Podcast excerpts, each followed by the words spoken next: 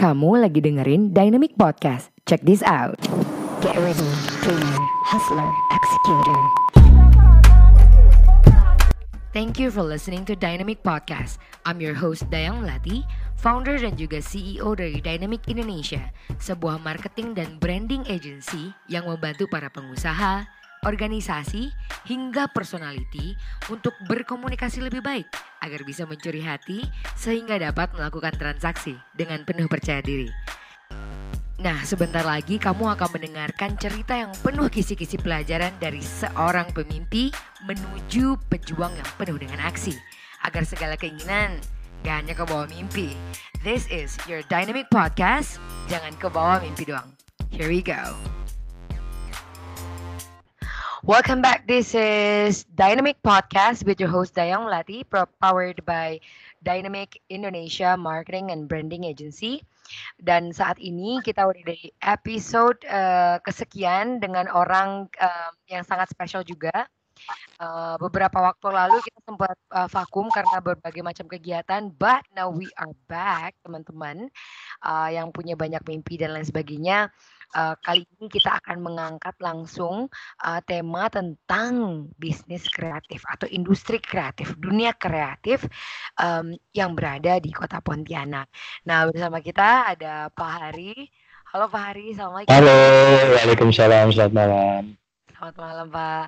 Oh, makasih banyak ya Pak ya udah nulangin waktunya untuk bergabung sama kita loh ini di Dynamic, Oke, di Dynamic Podcast. sama-sama.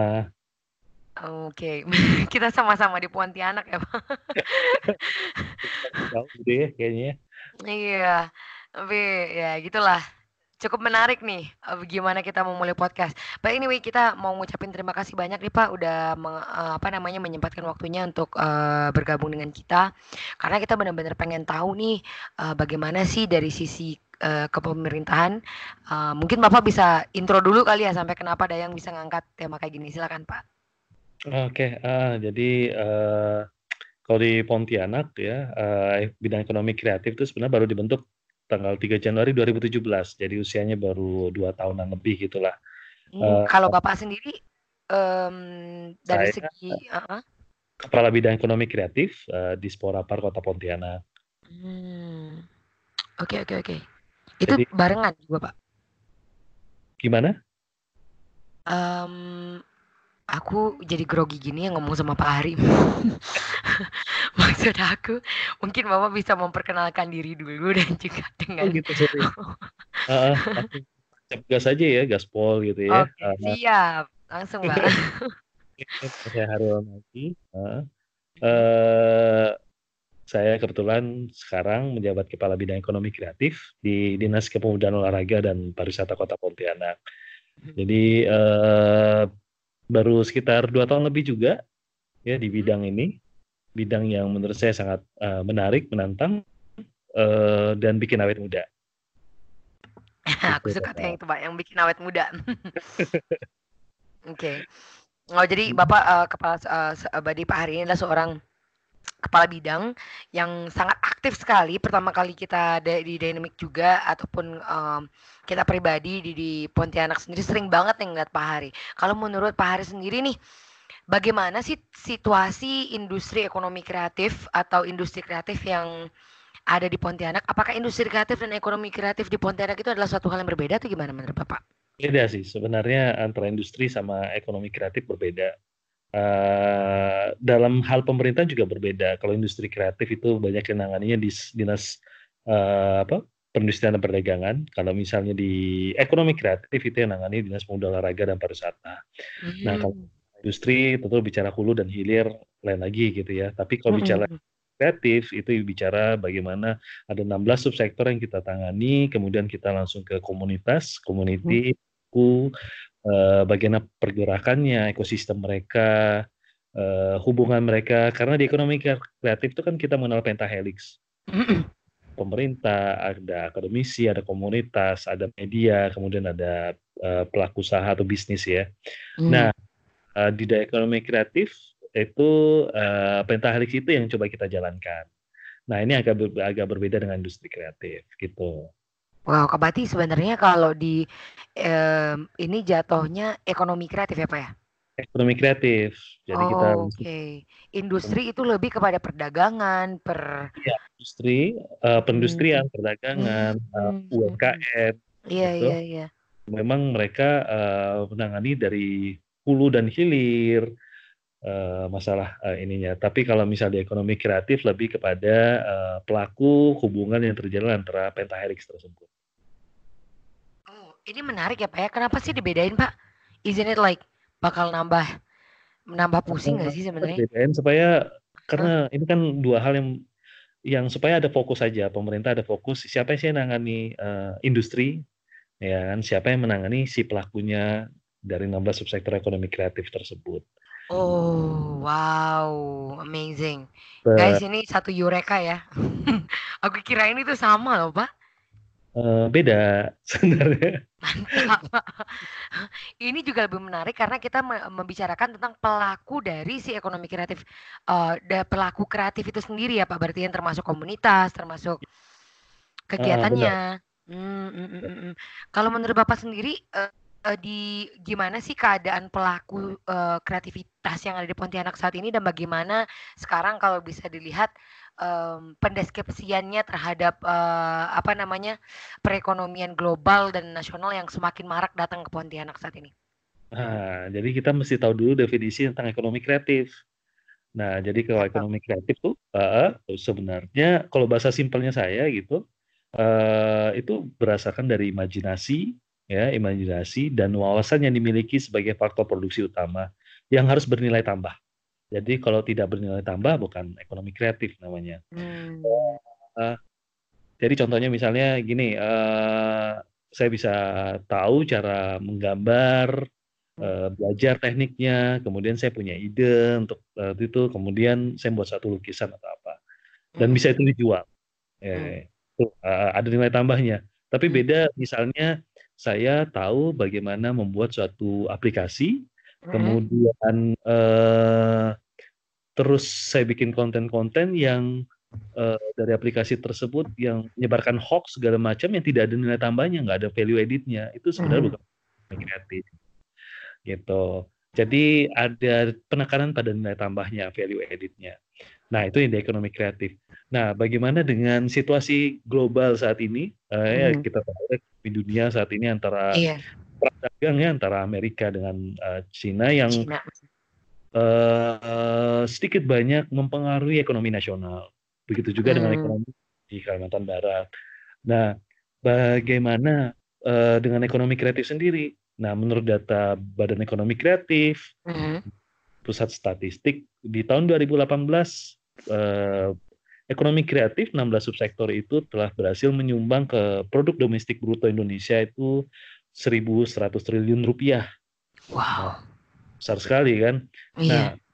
bagaimana dengan persaingan global saat ini dengan Mmm. situasi ekonomi ini? Sebenarnya ekonomi kreatif juga sebenarnya bisa bertahan ya, Iya. eee, terhadap, eee, situasi global se seperti saat ini. Karena kemampuan faktor produksi utama mereka itu berdasarkan dari imajinasi dan pengetahuan yang mereka miliki. Mmm. Kita tidak terlalu bergantung kepada modal besar segala Iya. macam, tapi yang kita tekankan adalah kreativitas, imajinasi. Mmm. Nah, itu dia. Jadi kalau kita balik lagi ke situasi Pontianak ya, Iya. Barat.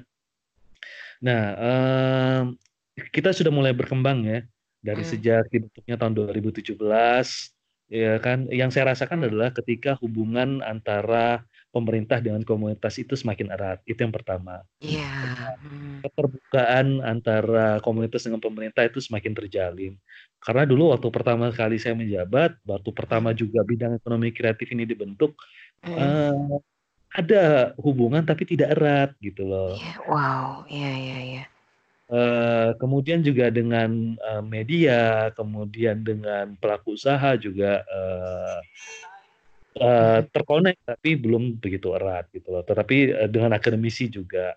Nah, setelah ya kemarinnya itu semakin, eee, ini kita, eee, banyak event-event kita juga yang melibatkan semua pentahelix itu terlibat.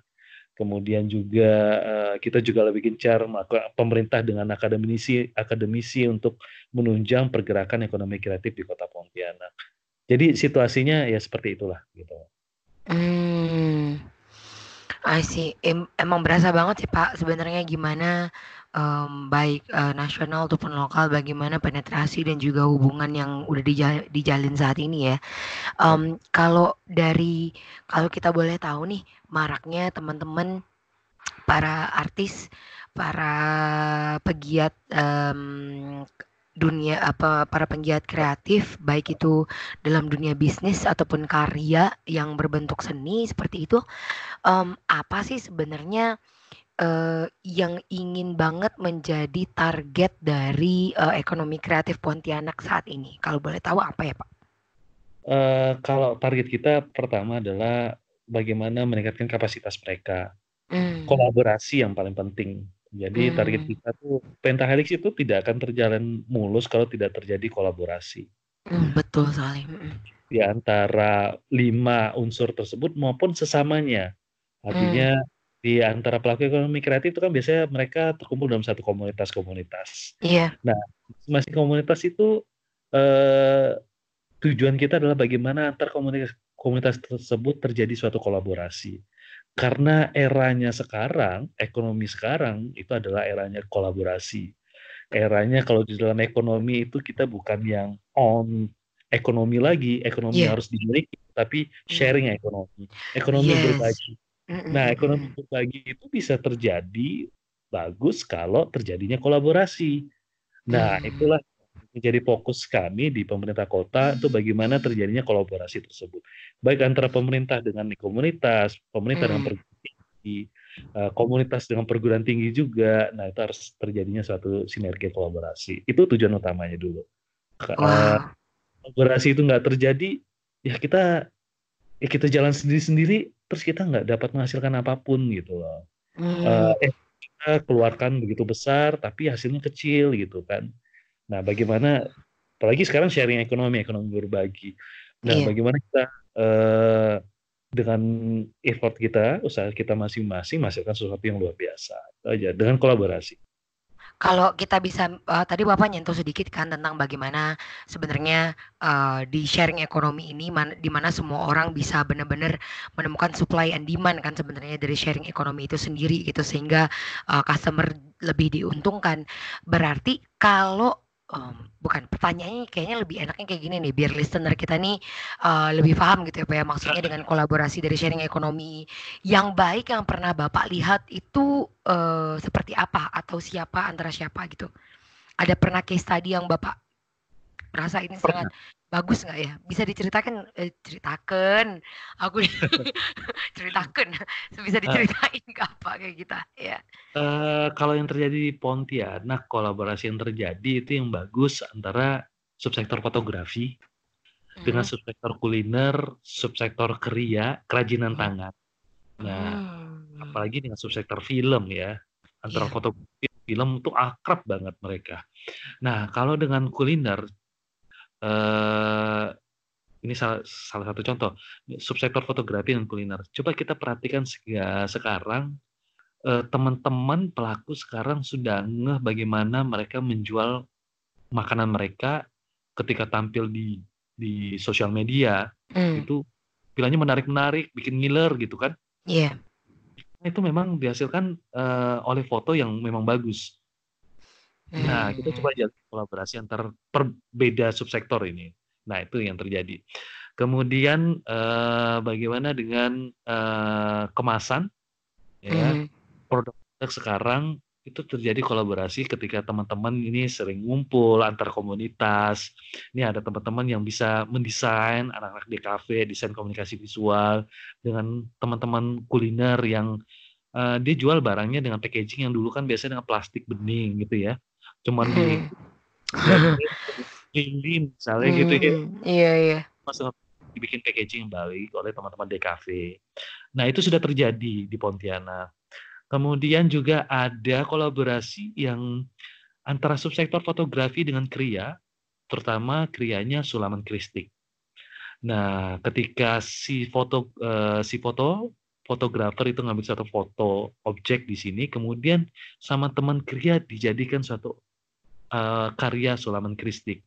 Dan ternyata hasilnya itu dibeli oleh uh, orang nomor dua kita dulu. Wah. Oh, wow. Salah. Itu salah satu kolaborasi yang menarik. Si fotografernya dibayar oleh yang si Sulaman, si apa uh, subsektor kriya tersebut. Kemudian si subsektor kriya juga dapat uang dari karyanya itu yang dibeli oleh uh, Ibu Wakil Presiden. Wow, ini ini sinerginya menarik ya Pak ya. Karena kebanyakan um, kayaknya ini clear banget daripada dari yang uh, Pak Hari tadi ngobrol bahwa ada simbiosis mutualisme, ada ketertarikan, ada sharing passion uh, di antara satu dan yang lain. Cuma nih kebanyakan kalau apakah ada nih uh, ketakutan-ketakutan antara sesama gitu kan ketika kita baru memulai, ya kan baru mulai ngapain bayar dan segala macam yang kayak gitu-gitu. Gimana sih peran pemerintah sendiri untuk memfasilitasi kita gitu? Uh, ya ketakutan pasti ada mereka. Uh, jadi kebetulan pemerintah kota tuh sudah menginisiasi membentuk suatu ekosistem namanya Rumah Muda Kreatif atau Rumah Aktif. Nah, ekosistem hmm. ini uh, terdiri dari 16 subsektor. Terdiri dari masing-masing subsektor tuh ada komunitas-komunitasnya. Yeah. Ada tidak terjantum dalam komunitas mereka pelaku dari ekonomi kreatif yang ada di 16 subsektor di ekonomi kreatif.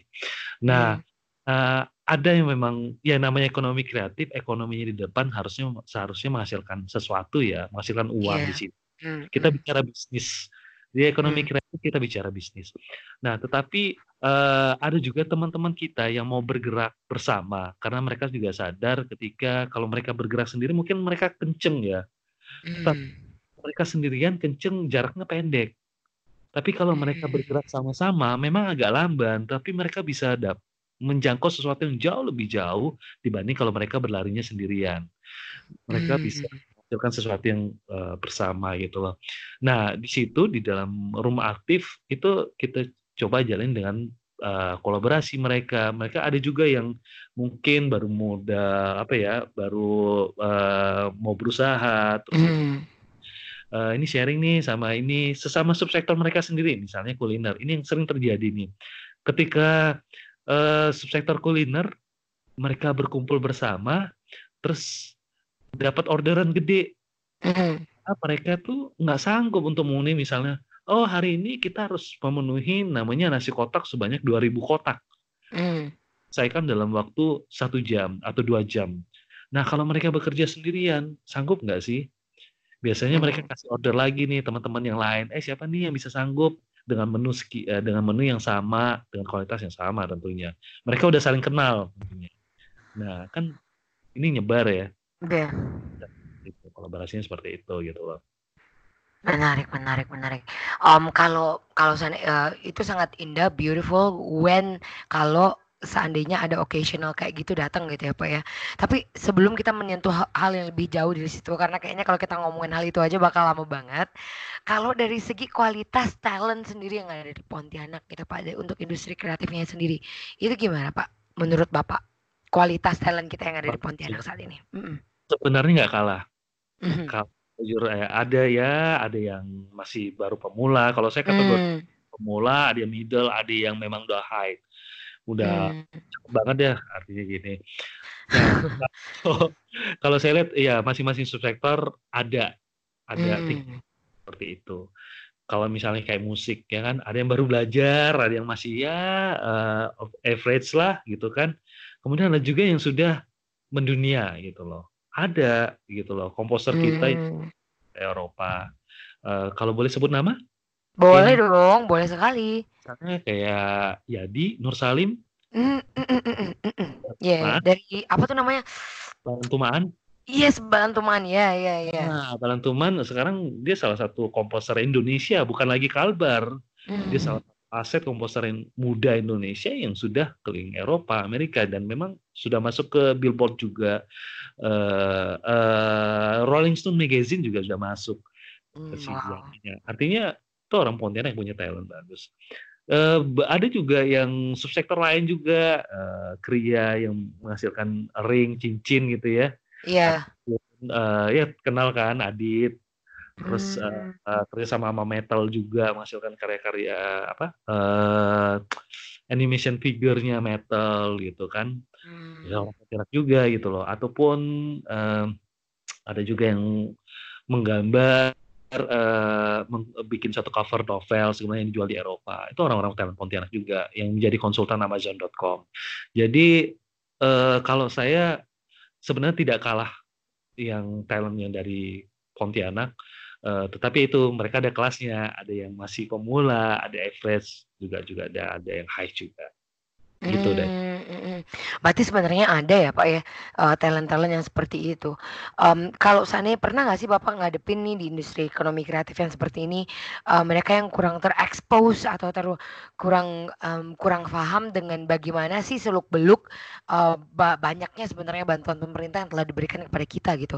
Ada nggak sih antisipasi atau, um, hal-hal lain yang dilakukan oleh, um, industri apa namanya, bidang Bapak sendiri saat ini kira-kira seperti apa? Sehingga mungkin teman-teman yang di luar sana pengen tahu atau pengen lebih uh, dekat lagi dengan ini bisa bisa tahu gitu. Hmm, uh, ya kita sadari mungkin uh, komunikasi yang kurang gitu ya. Yeah. Mm. Teman yang di luar sana yang nggak tahu uh, ataupun belum dengar atau segala macam gitu loh. Atau kadang-kala saya kalau kategorikan ada yang emang acuh tak acuh. Iya, yeah, wah itu dia sedih tahu, tapi dia acuh tak acuh. Hmm. Dia cuma mikir ya gue bisa sendiri kok tanpa pemerintah. Nah, hmm. tanpa support pemerintah juga bisa kok gitu loh. Benar. Hmm. benar. Dan saya sering ketemu seperti itu. Itu hmm. benar. Tetapi eh, jangan lupa bahwa pemerintah punya link, punya networking yang sangat luas. Iya. Yeah. Pemerintah punya akses ke luar negeri, ke dalam negeri, yang bisa masuk ke akses ke mana saja. Nah, kalau kita berpikiran seperti itu, mungkin uh, ya itu kolaborasinya nggak terjadi dong. Mungkin hmm. uh, bis, kalau pengen bisnisnya lebih besar lagi tentu harusnya terjadi kolaborasi. Nah, yang kami upayakan di bidang ekonomi kreatif adalah terus hmm. mensosialisasikan, terus bertemu sama komunitas, menjalin kerjasama bukan hanya dengan komunitas tapi dengan perguruan tinggi, dengan hmm. pelaku usaha, dengan media terutama yang menjadi corong kami bagaimana uh, ekonomi kreatif ini terus sering di, di, diliput, diperdengarkan. Coba kita lihat sekarang. Sejak 2017 sampai hari ini sering banget kan disebutkan uh, media bagaimana tentang pergerakan ekonomi kreatif. Iya, betul. 2017 tuh jarang sekali. Bahkan orang nggak tahu waktu pertama kali saya jabat, saya tanya, pernah dengar ekonomi kreatif nggak? Mm. Ya, kan tuh satu dua orang, audiens yang 50 orang loh. Iya. Yeah terus saya harus jelasin satu-satu apa sih ekonomi kreatif 16 subsektor itu apa saja gitu loh hmm. bila sekarang uh, pergerakannya dan uh, semua orang bicara tentang ekonomi kreatif walaupun kadang-kadang ada yang salah juga gitu kan iya yeah, iya yeah, yeah. masalah artinya mereka sudah ngeh tentang bagaimana suatu ekonomi kreatif ini punya kekuatan yang besar menggerakkan ekonomi bangsa ini gitu loh kami komunikasi terus itu aja upayanya Luar biasa. Wow. Aku ngerasa banyak banget sebenarnya pertanyaan yang pengen aku tanyain at the same time, tapi juga kayak lebih ngaca gitu. Paham gak sih sebenarnya kita tentang ekonomi kreatif gitu? Apa sih yang sebenarnya pengen kita apa kontribusikan kepada negeri kita gitu? Karena kebanyakan um, mungkin gimana sih tanggapan Bapak gitu ya? Kita nih kita kan punya tagline jangan ke bawah mimpi doang itu kan semua ide-ide kita, semua harapan-harapan kita, mimpi, target dan goals itu bisa bisa menjadi uh, kenyataan, bisa teraplikasi, bisa dieksekusi. Kalau nih seandainya Pak, seandainya di luar sana ada yang mendengar, wah aku nih sebenarnya contohnya bisa bikin um, bantal dari um, apa ya bilangnya kayak kain-kain bekas atau bisa membuat produk dari recycle bin yang segala macam. Apa sih yang harus mereka lakukan pertama kali agar bisa tersentuh dari uh, lingkup bantuan ekonomi kreatif ini gitu? Uh, apa yang harus bukan ya? Yang pertama ya harus punya karya dulu. Hmm. Uh, jangan jangan hanya mimpi aja kan, berarti harus ngelakuin. Hmm. Nah, kemudian mereka harus mencari uh, komunitasnya. Setiap yang mereka kerjakan sebenarnya ada komunitasnya. Searching aja di sosial. Kemudian uh, dari situ ya berkumpul lah dengan orang-orang yang sama. Komunitas ini kan sebenarnya mencari orang-orang yang sama, setipe, kan. Nah, mm -hmm. seide, sepemikiran, Nah, berkumpul sama mereka terus melakukan menghasilkan suatu karya karena di ekonomi kreatif itu adalah karya. Hmm. Setelah itu kalau sekarang kita udah zamannya milenial revolusi industri 4.0 katanya seperti itu. Iya. Eh, semua serba digital ya seperti yang dilakukan oleh Dayang ada digital marketing gitu ya. Itu kan Hmm. salah satu juga ekonomi kreatif gitu loh. Hmm. Nah, Makanya kita kita undang Bapak. Karya ya nggak perlu cara konvensional lagi ya Mhm. kan Eh, Iya, ini sekarang udah caranya yang yang yang sudah eh, milenial sekarang ini kalau bicara modal pasti yang baru pemula mikirin ah saya nggak punya modal segala Hmm. macam hey berarti kamu belum ekonomi kreatif dong belum kreatif gitu loh karena di ekonomi kreatif itu tadi saya bilang kita bicara sharing ekonomi ekonomi berbagi Hmm. Hmm. cerita ini banyak sekali ya dari subsektor Iya. aplikasi mainan ke sharing ekonomi tuh yang namanya Gojek Hmm. macam. itu kan aplikasi Airbnb ya. Eh, ya kan itu kan sharing ekonomi Traveloka dia nggak punya pesawat kok eh ketika teman-teman yang baru mulai dunia ekonomi kreatif jangan khawatir masalah modal yang penting kalian punya kreativitas dan punya pengetahuan tentang itu itu aja dulu berkumpul sama orang yang sama terus menghasilkan karya dan ingat di ekonomi kreatif itu yang paling utama adalah IP apa itu IP intellectual uh, property hak kekayaan intelektual tolong dijaga etikanya bagaimana suatu karya itu susah loh menghasilkan dan ketika Hmm. dihargai karya mereka boleh ATM aplikasi tiru eh apa Hmm. eh, amati tiru modifikasi Modifikasi. Hmm. Ah, gitu kan. Tapi jangan jiplak habis dong. Intelektual mereka. Nah, Iya. itu Hmm, menarik sekali ya. Berarti pertama kalau kita ada eh, ketertarikan kepada suatu hal atau pengen fokus kepada suatu hal, kita bikin karya, kita ketemu dengan orang-orangnya ya Pak ya. Berarti nah, ya setipe dengan kita komunitas, habis itu baru kita berkumpul membuat satu karya lagi, lalu mengajukan sesuatu kepada pemerintah. Apakah ini bisa udah siap untuk go global dan lain segala macam itu nanti baru diproses bersamaan dengannya waktu ketika mereka tetap berkarya gitu ya Pak ya. benar Ah, ah. Eh, Wow. ketika mereka menghasilkan karya kan karya Hmm. mereka pasti dilihat oleh banyak orang apalagi Iya. itu kalau upload di sosial media gitu kan Iya. juga melihat tentunya kan. Nah, ketika bagus, biasanya ya kita ajak, ayo kita Pemkot sering adain event nih, sering adain pameran nih, ada pameran ekonomi Hmm. festival kuliner, ada macam-macam event, ada Iya. bermacam-macam festival. Pasti kita ajak. Kita Hmm. Sekarang kita mulai melakukan kurasi di dalam pameran kita. Artinya kurasi itu Hmm. gini, eh, stand-stand yang kita bayar gratis yang disubsidi oleh pemerintah yang berhak tampil di eh, stand tersebut booth tersebut adalah karya-karya yang sudah dikurasi. Kenapa kita lakukan Oke. ini? Supaya mereka eh, memacu dirinya untuk menghasilkan karya-karya yang bagus, yang baik, yang Hmm. akhirnya layak gitu loh, Betul, visible, betul. eh, layak dibeli, Mm-mm. layak lihat segala macam gitu loh. Dan memacu kawan-kawan yang lainnya, wah gila ya, ternyata dia bisa bikin kayak gitu, gimana caranya ya? Saya harus Mm-mm. kenalan, harus bikin nih, saya bisa modifikasi seperti ini gitu loh. Negara-negara besar juga seperti Jepang, Cina segala macam juga mereka besar sekarang Korea Selatan karena ATM, amati, tiru, modifikasi. Ya Wow. Mm-mm. kan juga yang sama gitu. Gitu. Wow, wow, aku overwhelmed, aku kayak berasa, oh ternyata tuh udah ada pathnya loh kalau kita seandainya pengen terekspos dan segala macam. Tapi ya kalau orangnya cuma diem aja ya Pak ya, habis denger podcast ini ya sama aja lah ya. Maksudnya it berdiri. has to be dari mereka sendiri gitu ya nggak sih Pak? Keinginan Just untuk tahu. Apa Pak?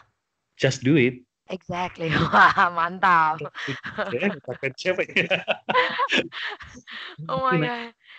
Oke, nah ini nih Pak, kita eh, ngomongin ekonomi kreatif dan sharing ekonomi. eh, recently, baru-baru ini di Pontianak, em, jalan tiga tahun aku tinggal di Pontianak, banyak sekali perubahannya, to be very honest. Dan em, apa ya, kayak kita banyak eh, kota ini banyak sekali dilirik oleh brand-brand nasional dan brand-brand lokal. Eh, sorry, brand-brand nasional bahkan internasional gitu, untuk masuk ke kota Pontianak ini. Apa sih antisipasi eh, eh, dari ekonomi kreatif sendiri saat ini gitu loh dari pemerintah. Bapak ngelihatnya itu sebagai threat, sebagai ancaman, atau sebagai oke ini kayaknya suatu tanda bahwa kita sudah maju gitu.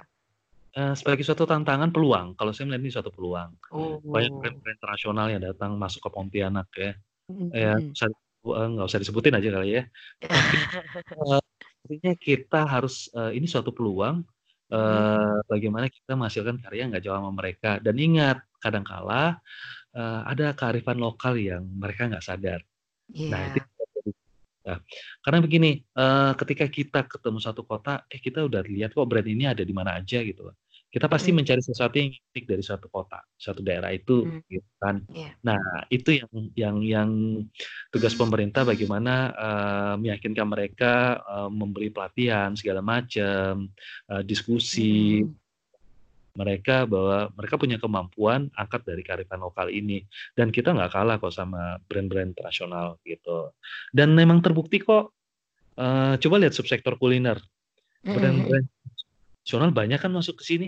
Banyak sekali. Tapi jangan salah loh, ada brand lokal yang nggak kalah sama brand nasional. dan kayaknya kalah sama yang internasional di tempat mereka jualan gitu kan. Betul. Kan? Betul. Uh, ada satu brand lokal yang kemarin saya ketemu ya kuliner ya uh, kopi. Sebutin gitu ya. brand pak. Sebutin brand iya, aja. Boleh. Gue, oh, boleh banget. Nah sekarang ada Aming Coffee. Iya. Yeah. baru buka cabang di Podomoro, Putri hmm. namanya. Nah, saya nggak endorse ya, nggak endorse. Tapi enggak. gini, tapi gini, coba perhatiin ada merek internasional juga yang ada di Pontianak. Hmm. Ada merek nasional juga yang masuk ke Pontianak. Banyak ya. ya banyak kan kopi. Hmm. Tapi kemarin dua hari yang lalu kan Pontianak hujan lebat, banjir, hmm. bener nggak ada? Iya iya, uh parah ya. banget. Parah banget dan saya keluar malam itu sekalian uh, ya ya sekalian ngelihat gimana sih harus air ini macetnya di mana gitu. Yeah, Tapi yeah. lihat juga Podomoro dan ya Allah di jam 12 eh sorry jam 23.30 berarti jam setengah tiga pagi pak kan dua tiga tiga setengah dua belas malam oke okay. saya pikir saya lihat Podomoro yang banjir lumayan 30 uh. cm dan parkiran mobil padat banget sampai beberapa gang. Dan saya lihat ternyata itu aming kopi. Oh, banjir. Wow. Wow. Yang diantar, yang merek-merek internasional udah pada tutup. Iya, iya, iya. Dan kemarin saya ngobrol sama sama ownernya, eh sama siapa, Alimin. Uh, tahun 2020, tahun depan, mereka sudah melebar konsepnya secara nasional. Hmm. Mereka mengkaji untuk membuat franchise. Hmm. Nah, uh, mereka juga udah punya cabang di luar, kemudian mereka akan coba. Jadi Pontianak ini siapa yang mau beli franchise mereka di kota lain harus uh, dilatih dulu dan di, pelatihannya adalah di Pontianak. Wow. Misalnya Dayang mau beli franchise nih, bukannya di Bali misalnya. Uh. Oke, okay, di Bali. Tapi ingat, yang kerja di sana manajernya harus pelatihan dulu ke Pontianak. Wow. Gila ya itu keterikatannya ya. Iya, keren nggak sih? Gila, Pontianak jadi pusatnya. Iya, iya, iya. Ya, riset development di sini, pelatihannya di sini, Binteknya di sini, gila kan, keren kan, Amin kan. Itu ber, yang kuliner emang gila-gilaan di sini. Nah, terus ada juga Raja Uduk, Raja Uduk juga udah buka cabang di Pontianak, di Jakarta kan. Bayangin kok, Raja Uduk nasi uduk, dia buka cabangnya di Jakarta, tempat lahirnya nasi uduk. Bayangan kan? Yeah, Gila. Yeah, yeah. tempat lahirnya nasi uduk, terus didatangin sama Raja Uduknya Pontianak. Tuh. Yeah. Berani ya? Berani gitu loh. Artinya uh, secara brand kita nggak hmm. kalah. Iya. Yeah. Dan saya yakin kita optimis sanggup hmm. sanggup bersaing. Wow, luar biasa, luar biasa ini kalau bisa dilihat-lihat sebenarnya Pontianak ini emang kota yang unik ya Pak ya. Kayak kecil tapi kecil-kecil cabai rawit gitu ya. Menarik. Well, kalau menurut Bapak sendiri nih, uh, tantangan apa sih yang akan dihadapin oleh kota Pontianak berikutnya gitu? Setelah sekarang kan udah mulai marak nih, um, apa namanya, udah mulai naik, kualitas sudah mulai naik, udah dipercaya oleh brand-brand nasional dan bahkan internasional untuk expand di sini. Berarti kan, um, apa namanya, konsumtif kita, eh, presentasi presentase konsumsi kita kan lumayan tinggi gitu ya Pak ya. Apa sih yang harus kita imbangi saat ini untuk semua para pelaku ekonomi kreatif? Uh, sikap puas diri. Ah, kok gitu Pak? Kirain Bapak bakal ngomongin tentang teknologi, tentang knowledge gitu. Kok Bapak malah bilang puas diri? Menarik iya. nih. kembali ke diri sendiri dulu. Ya, hmm. eh, teknologi segala macam itu hanya sebagai instrumen, daya. Hmm. Instrumen untuk mencapai tujuan kita. Yeah. Tapi kembali ke human ya, ke manusianya sendiri. Ketika hmm. dia mencapai sesuatu kemudian merasa sudah puas diri. Ketika kita merasa puas diri, kita nggak mau belajar. Kita mulai ada rasa sombong. Wow. Kita nggak mau pasti segala macam. Hmm. Nah, apa yang akan terjadi setelah itu? Ya kehancuran dalam bisnis. Hmm. Kita Nah, nah ketika kita tetap rendah hati, tidak mau puas diri, tentu kita mau berkolaborasi, mau berbagi tadi ini kan. Nah, hmm. instrumen-instrumen teknologi segala macam yang kita harus update ya pasti pasti otomatis lah akan kita pelajari. Kembali ke humannya, karena saya lihat di Pontianak itu lebih kepada uh, pola pikir, mindset, dan rasa positif. Lebih banyak wow. ke situ. Berarti itu banget yang harus ditingkatin menurut Bapak ya? Benar, itu dulu yang pertama, yang dasarnya dulu. Wow. Wow. Ini dia banget sih. Benar ya Pak ya, jawaban Bapak tuh sangat-sangat unexpected banget. Kirain Pak Hari seorang ketua bidang kreatif will will talk very general general gitu ataupun yang something yang aplikatif. Ini udah malah Bapak benar-benar nyerang intinya banget which is harus mawas diri dulu, tahu diri dulu gitu ya Pak ya. Benar. Wow, Harus itu dulu, kuncinya di situ. Oke. Banyak banget yang pengen diobrolin sebenarnya sama Bapak, tapi let's save it for another coffee ya Pak ya. Untuk teman-teman yang pengen tahu lebih, tahu banyak, pengen ngobrol sama Bapak, mereka bisa uh, hubungin Bapak lewat mana ya kalau boleh tahu? Bisa share ke kita? Uh, share HP boleh? Nomor? Oh boleh, kalau Bapak nyaman boleh, Instagram boleh, silakan. Oke, boleh. Uh, pertama kalau mau sharing ke kantor juga bisa ya, kita open uh, kantor di kantor dinas kepemudaan olahraga dan pariwisata mm-hmm. itu Jalan Gusti Sulung Lanang nomor 1 B atau mm. dulu orang nyebutnya uh, kantor Dispenda Lama Jalan Cemara. Mm. Ya. Semuanya di lantai tiga gitu bidang ekonomi kreatif atau bisa juga ke Facebooknya Disporapar boleh tanya-tanya di situ wow. Disporapar ya nah kita ada Facebooknya di Instagramnya juga ada Disporapar Kota mhm. Pontianak. Kemudian juga boleh ke WA saya 0815 22 62 9988. Nah, kita open, terbuka, eh, eh, mau diskusi apa aja tentang ekonomi kreatif boleh, ayo gitu. Wow, Pak, aku, aku bakal antri paling pertama sih, ngambil antrian nomor satu kayaknya. There are so many things dan dan jujur Pak, uh, kalau boleh uh, sharing nih ke teman-teman pendengar semuanya, mau di Pontianak ataupun di luar Pontianak, karena kita beberapa juga kemarin dapat pendengar dari kebanyakan malah dari Jakarta juga gitu Pak. Kalau teman-teman pengen tahu bagaimana sih sebenarnya masyarakat Pontianak ingin diajak ngobrol dengan Pak Hari ini, beliau benar-benar sangat terbuka, benar-benar sangat open. Thanks banget ya Pak Hari udah yeah. ngebantuin kita di banyak hal personally juga kemarin. Terima kasih banyak Pak. So um, ada message nggak Pak untuk uh, teman-teman uh, yang ingin melakukan berkecimpung di ekonomi kreatif atau saat ini yang sedang berkecimpung di ekonomi kreatif Pak? Uh, pertama mindset, uh, mindset membuka diri, uh, membuka wawasan, uh, terus kita harus berkolaborasi uh, udah nggak zaman eranya lagi kita sendiri-sendiri uh, maju sendiri. Memang cepat sih, tetapi dengan kolaborasi kita bisa mencapai segala hal gitu loh. Bukan hanya dengan antar komunitas, tapi juga dengan tadi pentahelix itu dengan pemerintah, perguruan tinggi, uh, media, pelaku usaha, sama antar komunitas itu sendiri. Ini eranya kolaborasi. Itu aja pesannya sih. Wow, selamat datang di era kolaborasi teman-teman. Apa? Pelaku ekonomi kreatif. Mari I second Yes, I second that point. I think that's so true. Uh, terima kasih banyak Pak Hari udah nyempetin waktunya. Uh, jangan kapok kalau seandainya kita nanti bakal ngadain beberapa event juga nih sama uh, industri ekonomi kreatif Pontianak. Banyak hal yang udah kita dapetin kemarin di Taipei, di Kucing, di uh, di Jakarta membawa nama Kalbar juga kemarin. Uh, Boleh dong sharing-sharing juga. Uh, Dayang sharing-sharing juga tuh bagaimana pengalamannya di Taipei segala macam. Mau banget Pak, mau banget. Uh, anything that can help karena jujur personally uh, ataupun dari segi um, perindustrian uh, industri industrinya Pak ha, Pak Hari like help us so much benar-benar udah banyak sekali. So kabarin aja Pak, Bapak butuh bantuan apa? Tinggal telepon aja. Oke, itu aja semuanya. Uh, that will be our um, ending for today for this podcast. Uh, sampai jumpa di next episode. Terima kasih Pak Hari. That's all Ya. for today. This is Dynamic Podcast. Jangan ke bawah mimpi doang. I'm Dayang Melati. See you again next time. Assalamualaikum.